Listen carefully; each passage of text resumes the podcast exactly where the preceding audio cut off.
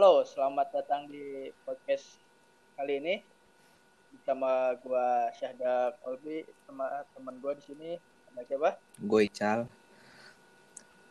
So, kita di sini eh, di podcast ini kita akan ngebahas beberapa pemain-pemain sepak bola ya. Untuk episode pertama kali ini kita akan ngebandingin dua pemain muda ya, dua pemain muda dari Liga Inggris, liga yang paling bergengsi di Eropa. Dua youngster ini dari dua klub yang mempunyai sejarah cukup panjang ya di IPL. Dari Arsenal ada Gabriel Martinelli sama dari Manchester United ada Mason Greenwood. Dua-duanya ini Gabriel Martinelli sama Mason Greenwood ini sama-sama eh, 2001. Lebih Sama. muda dari kita, Cak. Iya, eh, apa? Kita ribet SBM tuh mereka udah mulai naik gak sih? Udah mulai main bola, terus udah mulai diminati sama Iya. klub-klub gede. Kita masih sibuk. profesional, profesional. mereka. Iya, kita udah kita masih sibuk SBM mau di mana? Mau milih univ- universitas apa? Ini, ini orang udah dapat gaji lumayan gitu ya. Mm-mm. Main di klub gede gitu. Kita masih Oke, gitu deh. Lanjut. pokoknya ini sama-sama eh, mem- menempati eh, menempati posisi yang sama ya, sama-sama center forward, sama-sama striker lah. Oke, menurut lu Cal nih, pertama nih, eh, apa sih perbedaan Gabriel Martinelli sama Mason Greenwood? Ah, oke, dimulai dari gue ya. Kalau misalnya kalau menurut gue yang paling mencolok adalah eh, posisi pemposisian kalau misalnya mereka ada di eh, tiga tiga kotak terakhir atau di kotak penalti ya. Oke, balik kalau misalkan Martinelli itu dia lebih ke buk, eh, apa ya? Lebih ke kencang dan memang larinya kuat kan.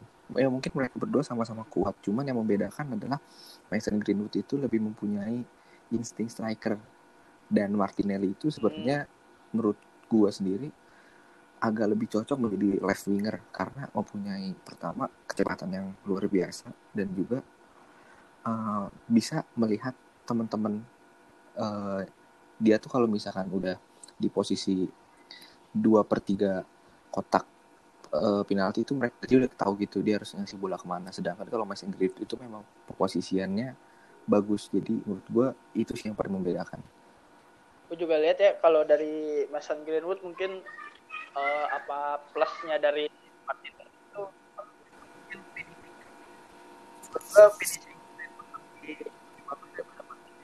Karena walaupun kayak lu bilang tadi kalau speed emang Martinelli lebih cepat daripada karena nggak bisa dipungkiri juga kalau Martinelli eh, ini orang Brazil kan hmm. lu tahu sendiri orang Brazil kan ya mak tipenya pasti striker striker yang bisa bawa bola gitu hmm. kalau Greenwood kayaknya lebih kayak ke target man mungkin ya. Ya betul.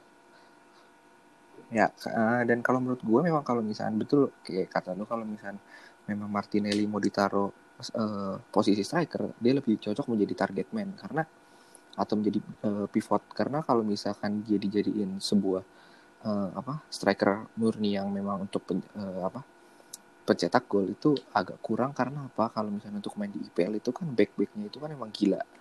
Pertama tinggi dan kedua memang eh, apa namanya posturnya itu kan besar besar sebagai eh, dan untuk kalau misalkan kita compare sama Martinelli itu kan dia itu punya badan yang untuk striker utama itu kan masih dibilang kecil lah Ka- eh, kalau di Arsenal kan kita bisa lihat itu dia kayak Lacazette sebenarnya. Cuman yang membedakan adalah Lacazette itu masih masih bisa kuat gitu kan. Masih posturnya itu masih kuat dan stamina nya kalau misalnya di body pun masih ada. Nah kalau Martinelli ini kan kita lihat masih belum terlihat kalau misalkan dia ditaruh sebagai eh, center forward murni itu akan kuat atau enggak. Jadi memang untuk sekarang sih kalau menurut gua kalau misalkan dia mau terus beradaptasi di Premier League, dia harus mencoba dari kiri kayak Rashford jadinya nanti. Rashford kan dari kiri kan. Oke, oke. Rashford dari kiri, Iya, iya. dia dia bangun strength, dia bangun kecepatannya, dia bangun eh, apa striker instingnya tuh dimulai dari kiri kan. Nah makanya pas uh, Martial sakit apa istilahnya Martialnya cedera cedera, cedera. Rashford ditaruh tengah nah kirinya itu di, uh, diisi siapa uh, di James ya uh, kirinya diisi James kan kadang dia pakai uh, siapa namanya? Uh, Solskjaer itu kan pakai kadang waktu itu pernah pakai 442 waktu belum punya James kan. Dia pakai iya 442 duanya itu di depan itu siapa namanya? Si, si Rashford. Rashford sama si siapa sih itu? Ya sama Greenwood kan? Iya makanya ya iya betul sama Greenwood. Makanya itu uh, Greenwood itu muncul karena si Martiana cedera kan. Nah itu makanya menurut yeah. gua kalau misalkan memang Martinelli mau dibuat seperti itu seperti yang mempunyai uh, insting striker dan insting insting yang lari atau stamina yang kuat itu menurut gue bisa ngikutin dari Rashford sih. Tapi balik lagi kalau misalnya pelatihnya itu tetap permanenin cara 4-3-3 kayak eh 4-2-1-3 ya si Arteta. Iya iya 4-2-1-3 deh. Iya. 4-3-3 hybrid gitu. Iya 4-3-3 hybrid yang bakal narik kalau misalkan. Jadi posisinya sekarang kan posisinya itu posisinya Martinelli ini kan diisi sama Lacazette atau Aubameyang kan. Mau lu jadi CF iya. mau lu jadi CF atau mau jadi left winger kan. Makanya kalau menurut gua kalau misalnya memang uh, Aubameyang cabut ke mana pun dia cabut posisi itu bisa diisi sama Martinelli sih apalagi menurut gua Arsenal tuh skuadnya nggak jelek-jelek amat depannya yang bobrok kan belakang ya iya Iya emang emang betul banget sih kalau gue lihat kalau dari depan ya Arsenal itu termasuk kalau di IPL empat besar lah hmm. front three-nya. Iya iya betul. Kalau bisa dibilang. Martinelli ini mungkin lu bilang tadi kan dia uh, strength-nya belum kuat atau kayak badannya belum bisa ngelawan back-back di Premier League lah iya. istilahnya. Gak bisa dipungkiri juga kan mereka ini kan baru 18 tahun nih. Yes, betul. Makanya dia punya banyak waktu sebenarnya Tahun ini untuk... baru masuk 16 gitu ya. Hmm. Iya. Masih banyak waktu buat apa ibaratnya buat nge develop buat nge development. nge-develop mereka diri diri mereka sendiri gitu kan. Yes. Kalau lihat dari statistik nih, kalau lihat dari statistik pada musim ini Martinelli sendiri di Liga Inggris 14 kali main itu sudah tiga kali gol. Kalau Mason Greenwood ini 25 kali main itu sudah lima gol. Ini mainnya itu mereka starter itu paling sedikit ya. Kebanyakan jadi pemain pengganti gitu kan. Yes, yes. Emang kalau misalnya lihat dari apa nama itu? Kalau lihat dari uh, gol emang lebih banyak Greenwood ya? Iya, betul tapi kalau dari menit bermain emang uh, Greenwood lebih banyak dan Martinelli lebih sedikit. Jadi kalau bisa dibilang uh, raihan uh, gol per menitnya yeah. itu lebih menang Martinelli. Iya, yeah, memang kalau Tapi bisa.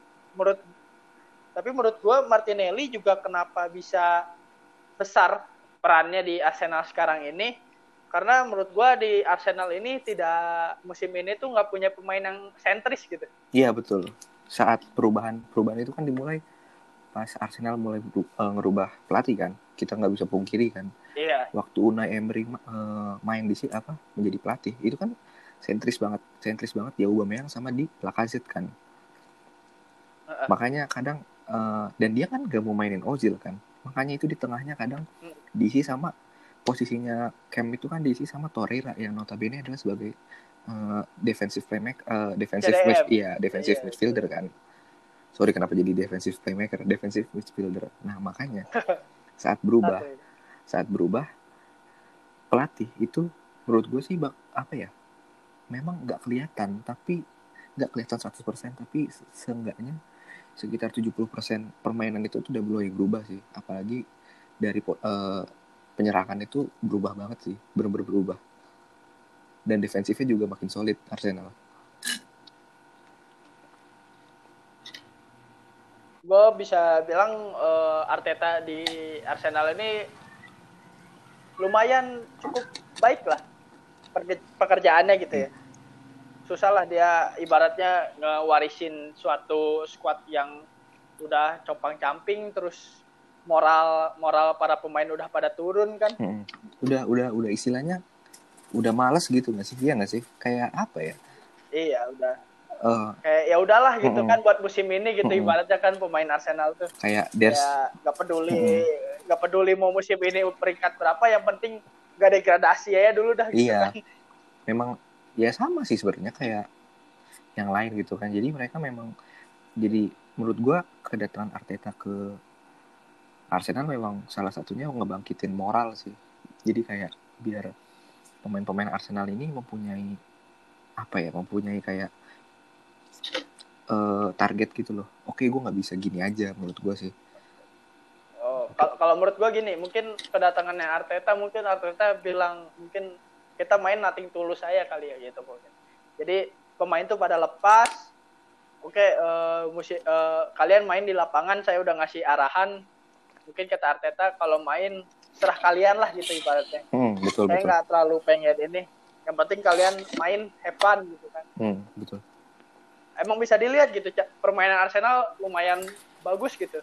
lepas lah ya Emang lepas kalau pemain iya kalau kalau pemain-pemain kalau misalnya udah ditandingin sama klub lain kan ibaratnya selain dari taktik atau permainan kan ada dari skill pemain sendiri kan gitu. betul Kalau skill pemain apalagi ngelihat back-back dari Arsenal kan kita sendiri lihat aduh kacau gitu kan. Eh, kurang gitu kurang gitu kan kayak Kurang gitu kan. kayak bisa dilihat sekurangnya mereka tuh saat mereka bisa bilang kedatangan ah, kalau misal Mustafi main itu waktu zamannya Ar- Arteta sama zamannya Emery itu berbeda kalau misalkan eh, Mustafi dipasang saat Emery mereka bisa pastikan mereka bakal kalah. Tapi waktu Mustafi dipasang di zamannya Arteta mereka bisa bilang pasti bakal menang. Itu kan menurut gua kayak sebuah sebuah apa ya sebuah peningkatan lah gitu kan. Peningkatan moral terus peningkatan at least mereka punya semangat lagi lah gitu. Nggak yang bener-bener Oh, menjatuhkan down gitu down ya kayak down banget gitu loh kayak nggak kan semenjak dipegang ibaratnya dipegang Arteta kan Arsenal nggak nggak apa namanya itu nggak selalu dicap ah kalah gitu. Mm-mm. ya walaupun banyak seri gitu kan tapi kan tapi iya setidaknya nggak kehilangan poin. menghilangkan cap menghilangkan cap Arsenal menjadi tim yang selalu kalah gitu kan. Mm, karena itu kan dalam berapa tahun? Berarti dalam dua tahun atau setahun itu kan Emery itu merubah legasinya Wenger menjadi suatu apa ya menjadi suatu kebobrokan gitu loh. Bukan bukan pemain atau tim yang bobrok tapi memang dia membuat legasi yang udah dikasih sama Wenger tuh kayak hancur aja gitu. Menurut gua. ya emang nggak ada nggak ada warisan nggak ada warisan lain gitu kan. Iya kayak jadi udah mau dikasih warisannya kayak gitu, eh ditambah eh Emery malah jadi turun gitu kan. Nah makanya emang menurut gua Iya, terus pe- pemilik klub Arsenalnya juga pelit gitu kan. Iya jadi kayak gimana gitu. Oke menurut gue sih kita kita sampai situ. Nah sekarang kita bahas Greenwood kali ya dosnya. Kalau menurut gua dari Arsenal udah cukup sih. Oke, kalau menurut gua Greenwood ya, kalau Greenwood ini mungkin bisa jadi striker masa depannya MU ya. Iya. Yang kita tahu sendiri kalau MU kan gak punya striker lagi. Mm-mm. Maksudnya striker murni gitu kan. Murni. Ada murni. Martial, Martial, Martial tapi kan sering cedera. Rashford nggak nggak sejatinya dia striker murni gitu kan. Hmm. Greenwood mungkin bisa jadi apa nama itu jawaban MU gitu untuk cari striker kan selama ini striker mereka nggak punya kan. Nggak punya. udah berapa tahun terakhir kali gua tahu MU punya striker yang bagus itu Van Persie itu menurut gua yang paling terakhir itu memang iya sih bener sih. Kalau dibilang pembelian yang memang eh, MU bisa beli pemain eh, pemain striker ya maksudnya. Striker yang striker murni bagus ya itu memang terakhir di Van, di Van Persie kayaknya. Karena dia nggak punya lagi. Karena memang eh, semenjak itu kan pelatihnya memang berbeda-beda juga kan. Dan cara Iya, iya. cara pemain cara bermainnya itu enggak yang sentris ke untuk pencetak gol itu kan enggak sentris ke striker kan memang kadang lebih ke winger ataupun cam gitu kan. Kadang malah kayak Rooney itu kan dia kan eh, dipasang CAM CAM kan. Playmaker. Playmaker. Iya attacking. Attacking midfielder kan makanya memang nggak punya uh, striker yang murni. Nah menurut gue memang sama kayak lu kayaknya Greenwood ini bisa jadi bisa jadi jawaban MU untuk ya mungkin 3 sampai 3 punya sampai striker lah gitu iya ya. 3 sampai 4 tahun ke depan kalau misalkan memang Greenwood ini mempertahankan cara bermainnya dia yang kayak gini menurut gue bisa sih bisa banget. Karena kalau menurut lu nih Cal pros- Hmm. prospek yang paling paling bakal kelihatan lebih bagus lima tahun ke depan itu menurut lu Greenwood atau Martinelli? Martinelli. Kenapa? Kenapa Martinelli? Karena menurut gue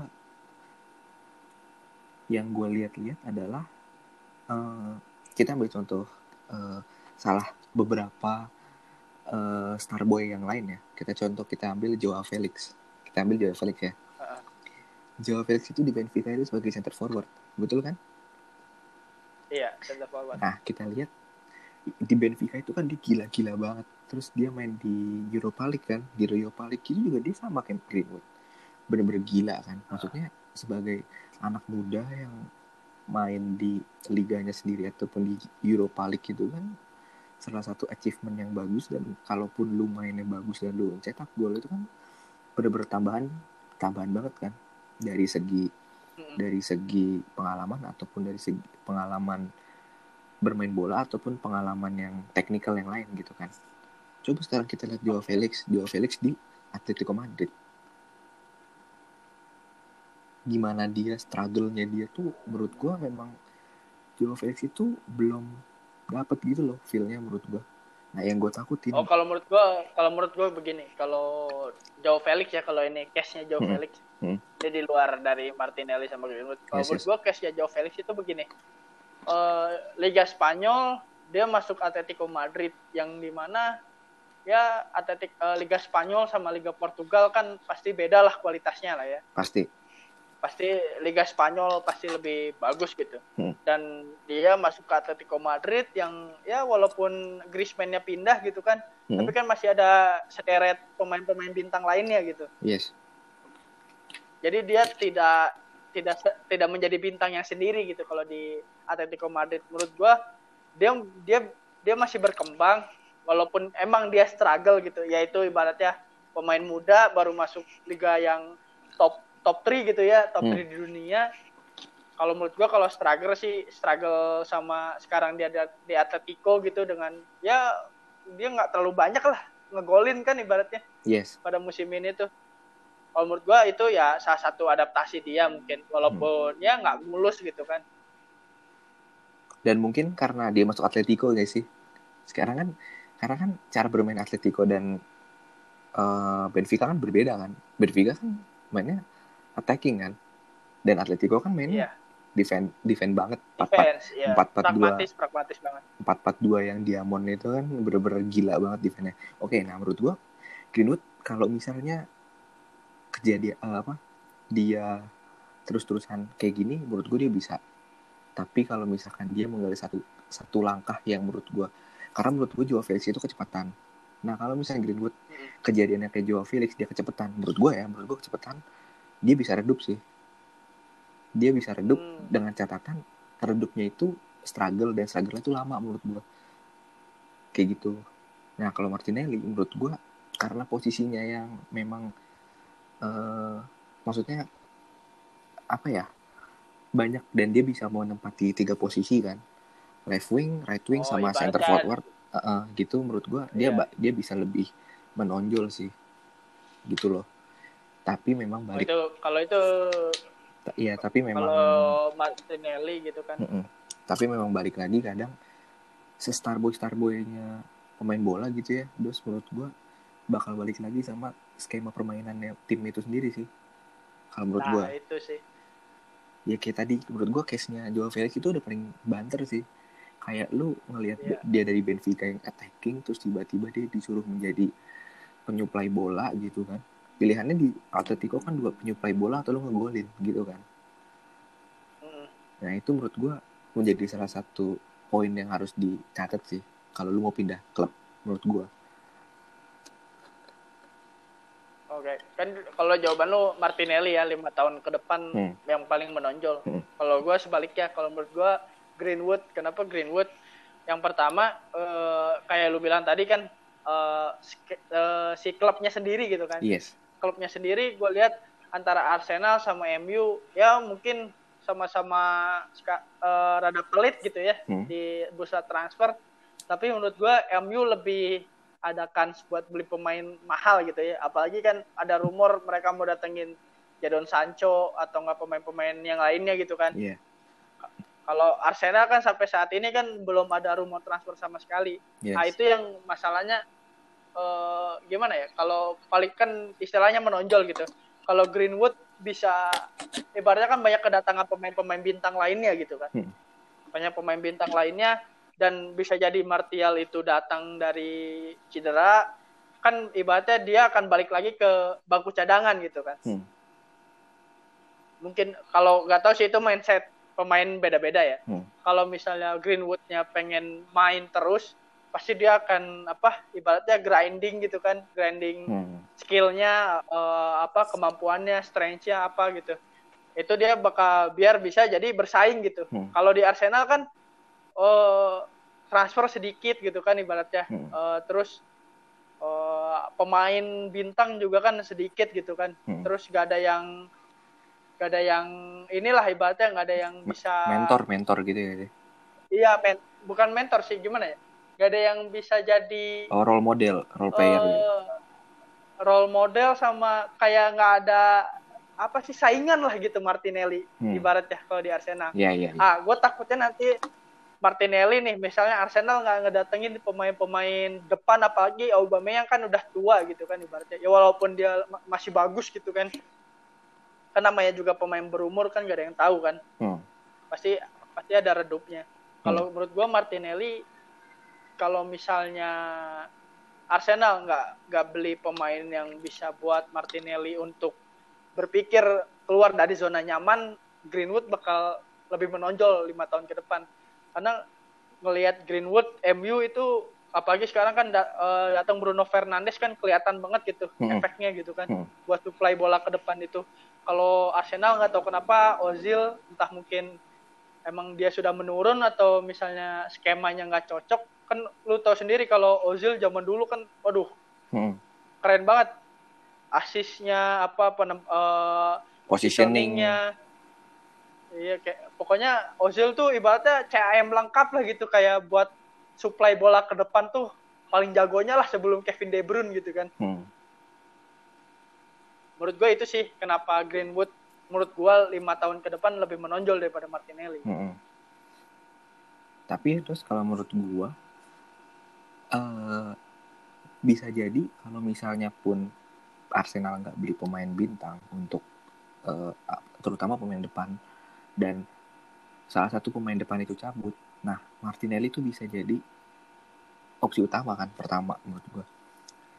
Nah Iya, iya. saat dia menjadi opsi utama, dia akan seenggaknya dia akan mencoba mempertahankan posisi itu dengan cara ya dia eh, grinding juga gitu karena ditakutkan kalau misalkan ya mungkin mindset dia bisa jadi kayak gue udah jadi Ya, starter tergantung kan tadi gue Mm-mm, bilang kan. starter. Iya tergantung. Starter terus gimana caranya? Gue tuh nggak digantiin pertama gitu kan. Dan memang kalau misal kita lihat juga kan menurut gue sih itu sa- salah satu alasan kenapa gue beli Martinelli. Karena kayak yang kita lihat lu bisa lihat kan rumor transfernya Arsenal sama MU MU di saat MU mengincar Jadon Sancho Arsenal mengincar Thomas Lemar kan itu menjadi apa ya suatu perbedaan yang jauh banget kan. Yang satu ngincar pemain attacking yang satu ngincar central midfielder gitu kan. Nah menurut gue itu sih kenapa dalam lima tahun ke depan gue milih lebih memilih Martinelli yang akan bersinar dibanding Mason Greenwood menurut gue kayak gitu sih dos ya kalau misalnya Martinelli ya kalau misalnya dibilang dia bisa posisi di mana aja emang betul sih dia bisa di sayap bisa di tengah kan gitu kan kalau Greenwood kan emang cocoknya untuk di tengah aja gitu kan Hmm. tapi Martinelli menurut gua bisa saja eh, yang lu bilang sih maksudnya dia kayak starter terus kan jadinya dia kayak ibaratnya banyak pengalaman gitu dari starter Iya, gitu iya. kan. Tapi Greenwood juga menurut gua bakal dengan datangnya banyak-banyak pemain bintang mungkin ke MU pada musim depan kan gak ada yang tahu juga kan. Hmm. Menurut gua squad MU musim bukan musim ini sih. Sekarang lah lebih tepatnya gitu. Bisa dibilang bagus loh. Bisa dibilang ya. Iya, sebenarnya kalau kita ngomongin squad tuh bagus, Dos. Dan apalagi ya kalau misalnya kita ngomongin individu nih, kayak misalnya kita ngomongin Mason Greenwood. Greenwood itu Iya. kalau ngeliat kaki, dia bisa nembak dari mana aja, kaki kiri atau kaki kanan. Dan ditambah, Iya, finishingnya keren emang. iya ditambah kalau misalkan mendatangkan pemain, at least dengan squad sekarang lah, misalkan kita kita ambil empat pemain depan, Greenwood, Rashford, Daniel James, sama tengahnya Bruno Fernandes. Itu menurut gua udah lebih dari cukup anjir, lebih dari cukup banget untuk un- sebagai salah Tarung satu di empat besar gitu ya. Untuk Tarung di bertarung- empat besar. untuk gitu. bertarung di empat besar tuh kansnya mempunyai kans yang lebih tinggi dan kalau dilihat dari semangat dan mental ya mungkin kalau mental nggak ada tapi kan dari semangat semangat anak muda itu mereka kan besar gitu kan. Jadi Iya. menurut gua sangat amat bisa MU untuk menjadi persaingan di empat besar menurut gua ya. Kayak gitu sih. Kalau dibilang squad MU sama Arsenal emang kalau bisa dibilang lebih kuat mana? Lebih kuat MU gue pilihnya. MU MU Selain dari MU. Iya, selain dari klasemen liga yang Arsenal jatuh banget musim ini kan. Hmm. Ya, ibarat juga transisi gitu kan. Hmm. Kalau lihat dari ibaratnya kiper lah gitu kan. Hmm. De Gea, Leno. Leno punya punya prospek, tapi De Gea kan terbaik lah ibaratnya gitu kan. Hmm. Back gitu kan. Ah, tuh back gak usah dijelasin lagi kan. bercanda lah gue kalau misalkan ngomongin back gitu kan Iya. Kalau back Arsenal tuh ibaratnya sama back-back eh, ini loh, back apa namanya itu yang tim promosi Sheffield United aja menurut gua bagus Sheffield United gitu kan. Iya, maksud gua mungkin ya kalau kita ngomongin kita ngomongin dari faktor umur nih dos ya. Mungkin Ah. backnya eh, mungkin juga eh, backnya kalau dari umur mungkin backnya yang dipasang sama manajer-manajer Arsenal yang dua dua manajer terakhir kayak Arteta sama Emery kan udah tua-tua memang. Dan memang mereka kan di di apa ya di te- di tempat sama ini kan pada cedera kayak ho eh, siapa tuh yang Oh, dua iya, itu? iya. dua itu tuh dua orang itu kan. Si yang pemain muda Sokratis tuh kan. Sokratis kan udah Eh. tua juga Sokratis tua ada yang iya, siapa sih Holgate Yang Holgate eh bukan itu. Oh, Holge- holding, holding, Rob holding. Holgate pemain Everton ya Hol, Hol- holding holding Iya. holding itu cedera ya kan kayak kayak gitu jadi menurut gue memang Jadi pasangnya David Luiz, Sokratis, Mustafi gitu kan. iya maksud gue ya memang nggak ada pilihan dan yang punya Arsenal juga memang nggak ada keinginan untuk memperbaiki gitu loh maka Tapi kalau kalau menurut gua itu Arsenal emang kalau menurut gua ya, Hmm. menurut gua Arsenal tuh kalau mau rebuild itu emang lama sih, lama lama lama banget terus lama, lama. dua dua tiga tahun tuh nggak cukup sebetulnya kalau rebuild Arsenal tuh. karena memang kita kita kita breakdown gitu ya dari kiper mereka punya mereka punya Bernd Leno dari belakang nih mereka punya Bu- Bukayo Saka mereka punya David Luiz eh, Sokratis Mustafi eh, Hector Bellerin Bellerin, Holding ya kan Tierney, Tierney eh, Matt Tierney. Maitland Niles itu belakang semua tuh terus tangannya mereka punya Tapi menurut gua kalau misalnya back back Arsenal menurut gua ya, menurut gua kalau back sayapnya nggak nggak terlalu dipikirin sih. Back Iya, tengahnya ini loh. Iya back tengah. Back back sayap mereka salah satu yang menurut gue karena kalau gue pribadi kan suka back sayap yang kenceng ya. Bukayo Saka sama Bellerin tuh menurut gue ya nggak jelek lah mereka bu- untuk Bukayo Saka menurut gue dia bisa menjadi Standar satu- lah ibaratnya ya, standar, Standar. lah gitu. dan kalau untuk Bukayo Saka menurut gue dia bisa bisa grinding untuk menjadi lebih baik juga gitu kan ya kalau Hector Bellerin oke lah gitu kan dia udah berumur terus kita lihat tengahnya Hmm. tengahnya dia punya Torreira dia punya Saka dia punya Ozil siapa lagi sih dia tengahnya Tengahnya Saka, Ozil, Dani Ceballos minjem tapi dia. Dani Ceballos minjem, William Saliba bisa dipasang. William Saliba, William Saliba tapi dipinjemin ya? Iya, karena kan belum datang. Ah, maksudnya udah dibeli tapi dia kayak dipinjemin lagi ya? iya dipinjemin, di, tetap dilanjutin di klub awalnya.